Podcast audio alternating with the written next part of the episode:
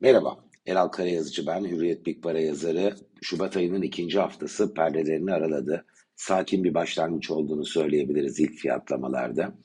Ee, geçen haftayı hatırlayalım. Oradan bu haftaya yürüyüp devamında nelerle karşılaşabiliriz bunu e, konuşalım istiyorum. Çok sert bir satış vardı. Zaten yıla 5700 puanla başlayan Borsa İstanbul iki yönde dalgalanmalar yaşasa da aslında bu geride bıraktığımız 5 haftayı e, ana rota olarak negatif geçirdi ve %10'lukta bir kayba imza attı. Perşembe günü öğleden sonraya kadar o şiddetli satışlar devam etti. 5700 puanı işaretleyen endeks yılın ilk gününde 4480 puanı görmüştü. Fakat Perşembe e, son bölümde, son bir buçuk saatte gelen alımlarla bir dengelenme oldu. Ve Cuma günü de kuvvetli bir yükseliş, yüzde beş kadar günlük.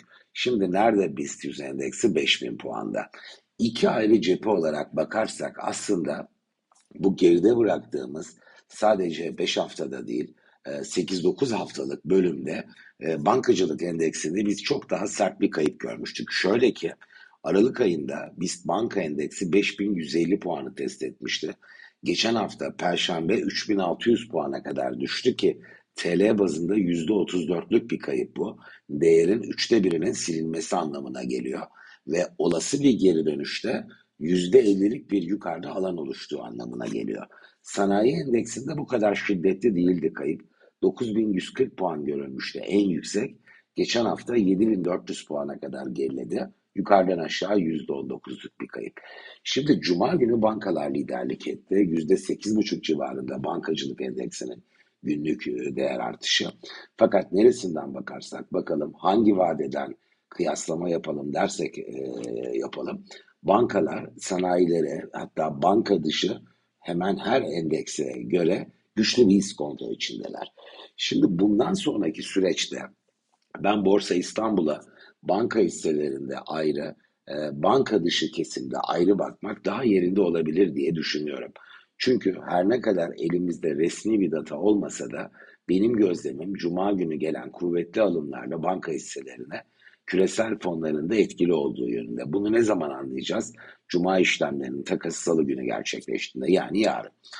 Ee, neden peki yabancılar ilgi göstermiş olabilir banka hisselerine?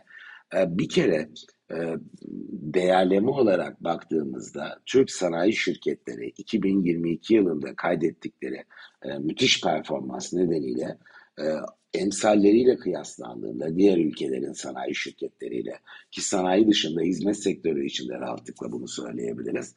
E, bir iskonto içermiyorlar. Fakat bankalar için durum böyle değil. Geride kalan 4 çeyreğin karlılığı önümüzdeki 12 ay yinelenmese de TL olarak karlılıklarında e, hissedilir bir düşüş ileriye doğru baktığımızda gerçekleşse de banka hisseleri kabaca 2.3 fiyat kazanç oranı ile işlem görüyor. Fakat bu rasyo dünyada e, yüzde 8-8,5 aralığında yani Türk bankalarında çok düz ve basit baktığımızda emsallerle kıyaslandığında çok kuvvetli bir iskonto var ve biz bir sene sonra evet Türk bankaları da dünyadaki muadillerine yakın fiyatlarla işlem görüyor diyebilmemiz için yüzde 250 yüzde 300'e yakın bir e, değer artışıyla karşılaşmamız lazım.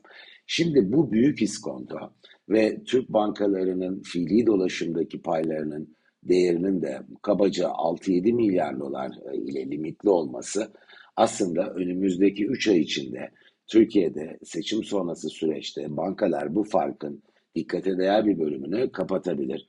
Bu potansiyele, bu ihtimale yatırım yapalım diyen küresel fonlar olursa çok büyük bir alınabilecek varlık ortaya koymuyor. 5-6 milyar dolar e, küresel arena için e, yüksek denemeyecek hatta düşük kabul edilebilecek bir değer. E, ben bu nedenle önümüzdeki bu 3 ayda seçim öncesi süreçte banka hisselerine zamana yayılarak da olsa e, yabancı ilgisinin olabileceğini, Cuma'nın bu konuda bir başlangıç olabileceğini e, ve e, yukarı yönde bir seyrin olasılığının bu cephede daha yüksek olduğunu düşünüyorum. Sanayiler mutlaka dolaylı yoldan etkisi olacaktır bankacılık dışı kesimin biz bu performansı sürdürecek olursa fakat daha limitli kalabilir çünkü o cepheye küresel fonlardan bir e, dikkate değer alım gelmediği takdirde yereller o fiyatlamada yine belirleyici olacaktır. ve daha yatay, daha ılımlı tonda görülebilecek bir seyir beklenebilir. Eğer kısa vadede biz banka hisselerinde o cuma gördüğümüz hareketin devamına şahit olacak olursak bu en azından diğer sektör hisselerinde de düşüşleri engellemeye yetebilir diye düşünüyorum. Diğer cephelerle noktalayalım. Cuma günü çok güçlü bir istihdam verisi geldi. Üzerine hizmet e, ISM Amerika'da yine çok kuvvetli bir sürprize imza attı. Bunlar aslında kötü haberler değil. Ekonominin güçlü olduğunu gösteriyor Amerika'da. Fakat enflasyonun düşmesini zorlaştıracak bir dinamizm işareti ekonomide. Bu da Fed'in e, görece daha fazla faiz arttırması ve faiz indirimlerine daha geç başlaması demek. İşte bu tema Cuma sert satış getirdi değerli metallere. Bu sabah bir dengelenme çabası içindeler. Esas oyun kurucu, belirleyici, oyun değiştirici faktör 14 Şubat Salı günü açıklanacak. Amerika'da çekirdek Ocak enflasyonu olacak. O veriye kadar olan bölümde e, biz Cuma e, günü gördüğümüz şiddetli satışın yerine daha ılımlı fiyatlamaları yurt dışında görebiliriz diye düşünüyorum.